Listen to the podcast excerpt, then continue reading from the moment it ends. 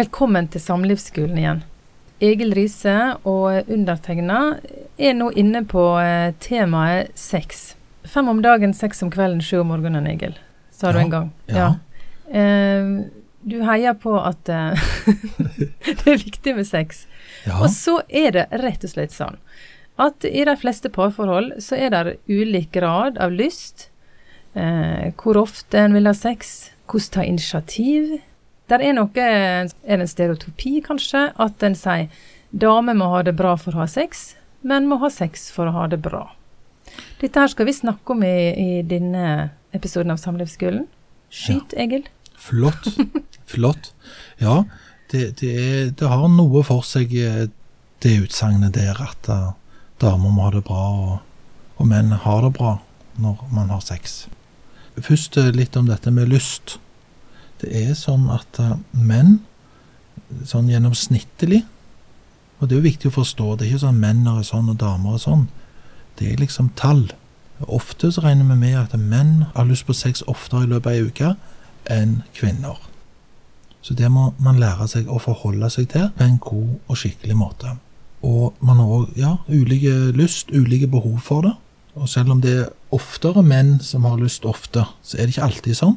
Men det varierer òg med alder, og det varierer med helse, eh, og flere faktorer egentlig. Så dette må man snakke om for at det ikke skal virke til usikkerhet. Det kan oppleves litt sånn, gjerne ikke tabu å snakke om, men litt sånn der eh, vanskelig å ta opp for mange. Hvorfor er det det?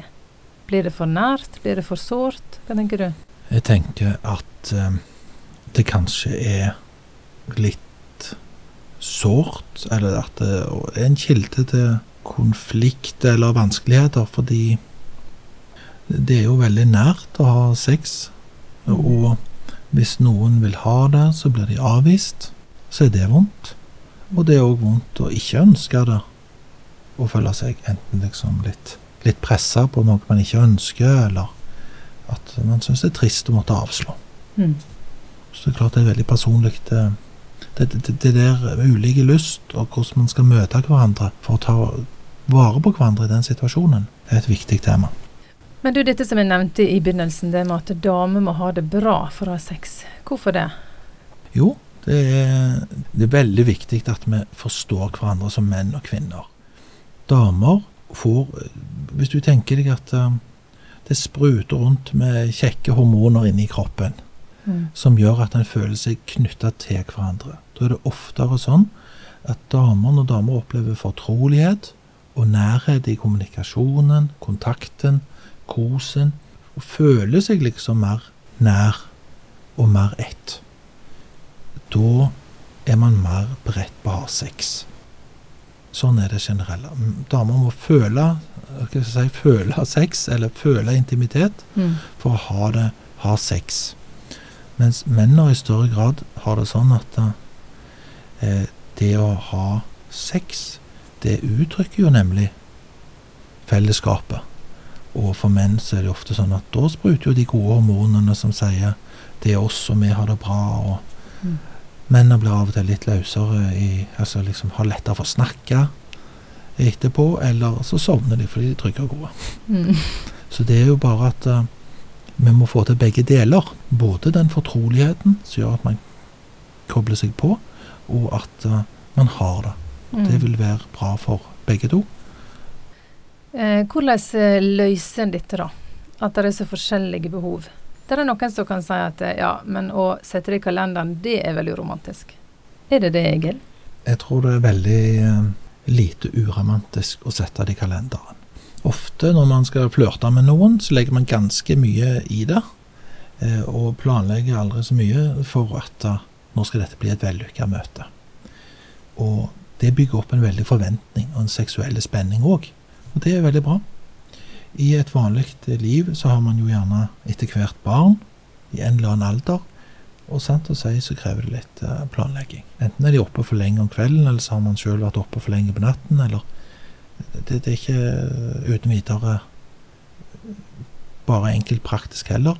Men det som hjelper i en hverdag prega av liksom andre ting og stress, det er at man har fokus på å prioritere seksuallivet. Av og til. Eh, kanskje veldig, veldig ofte. Så har liksom eh, er samtalene litt sånn at mennene forstår seg ikke på. Sant? Mennene tenker bare på sex, og de har ikke greie på noen ting. på en måte. De forstår ikke hvordan ting virker. Jeg har lyst til å si to ting om det. Godt man har forska, undersøkt med menn og damer. Og 70% av kvinnene sier da i undersøkelser at vennskapet, altså hvor interessert man er, hvor orientert man er, at man setter pris på hverandre, at man er imøtekommende, det er avgjørende for kvaliteten av seksuallivet. Altså, vennskapet er avgjørende for seksuallivet i forhold til kvinner. Mm. Mennene fikk det samme spørsmålet. Og for 70 av mennene så er svaret akkurat det samme. Vennskapet har betydning for kvaliteten av seksuallivet. Men mennene syns òg det er viktig å ha et nært forhold og fortrolig forhold eh, med kona si. Dette har vi mange bevis for. Mennene som opplever hengivenhet eller tillit fra kona, de har en hvilepuls som er fem slag mindre per minutt enn menn som opplever at kona ikke stoler på dem. Så mm. relasjonen, nærheten, vennskapet, tryggheten er i aller høyeste grad viktige for menner. Det er mye av det der eh, manner snakker som bare tøysete myter. Eh, en mann som f.eks. har hatt eh, hjerteinfarkt, han vil ha bare 30 så stor risiko for tilbakefall dersom han har ei kone hjemme så han kan si 'hun er glad i meg'. Det går rett inn i kroppen. Det går rett inn i hvor mye depresjoner det er. Det går rett i angst. Masse fysiske ting som har med å gjøre at uh, kona er glad i han, og at du stoler på han. Det er bare det jeg må få lov til å si om menner at eh, det er så opplest og vedtatt at damer har greie på sex, og så at menn har liksom ikke greie på det. Jeg syns iallfall jeg ofte hører det. Så min kommentar er jo at uh, kanskje damer skulle forstå det at det virker litt rart for en mann når beskjeden er at man trenger å være sammen og ha det bra. Så tenker han på akkurat det, at, uh, som er hans personlige erfaring, at når vi er sammen, så er vi sammen. Og da pleier jo han kjenne de gode hormonene som forteller at det er oss to som hører i lag. Og han kjenner fortrolighet, trygghet, tillit.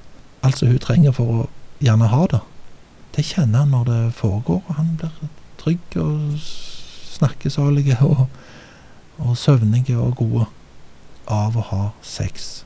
Så det må være sånn at menn og damer kan ha forståelse begge veier, og spørre etter ekte ting, og ikke på en måte gå seg vill i sånne oppleste tilleggelser av hverandre.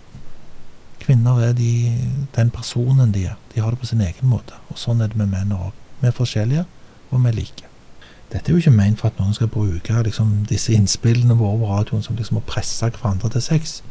Men hvis man kan prioritere både fortrolighetsliv og seksualliv, så er det topp. Og hvis man setter av tid til det, så har man òg muligheten for liksom ja, dette med forventning.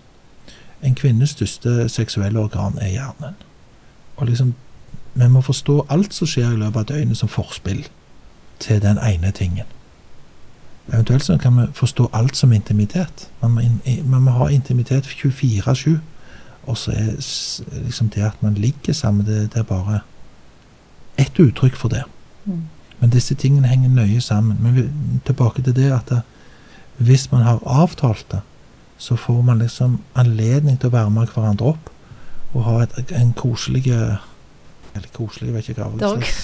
Koselige dager, nei, jeg vet ikke. nei, jeg vet ikke hvordan Det er ulikt. Ja. Men at man iallfall får, får tid til å bygge opp forventning mm. på ulike vis, da, sånn som måtte folk måtte behage eh, for å få det, få det, fint i lag. Mm. mm.